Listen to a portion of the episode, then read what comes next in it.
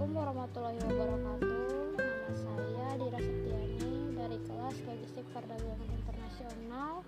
1A pagi Nomor induk mahasiswa 41321010107 Di sini saya akan menjawab pertanyaan dari Bapak Mifta dosen mata kuliah Pancasila dan Kewarganegaraan. Pertanyaannya adalah apakah kecanggihan teknologi digital berpeluang menggerus tatanan identitas nasional?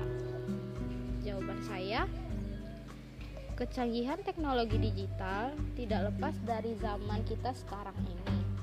Menurut saya, kecanggihan teknologi bisa berdampak baik dan buruk bagi siapa pun, bahkan bisa berdampak pada tatanan identitas nasional tersebut. Namun, itu tergantung pada diri sendiri yang bisa memilah mana yang baik dan buruk. Identitas nasional diartikan sebagai ciri khas bangsa Indonesia, seperti contohnya bahasa Indonesia. Ini merupakan satu contoh dari identitas nasional kita. Jangan sampai bahasa yang tidak baik menjadi dampak buruk bagi tatanan identitas nasional.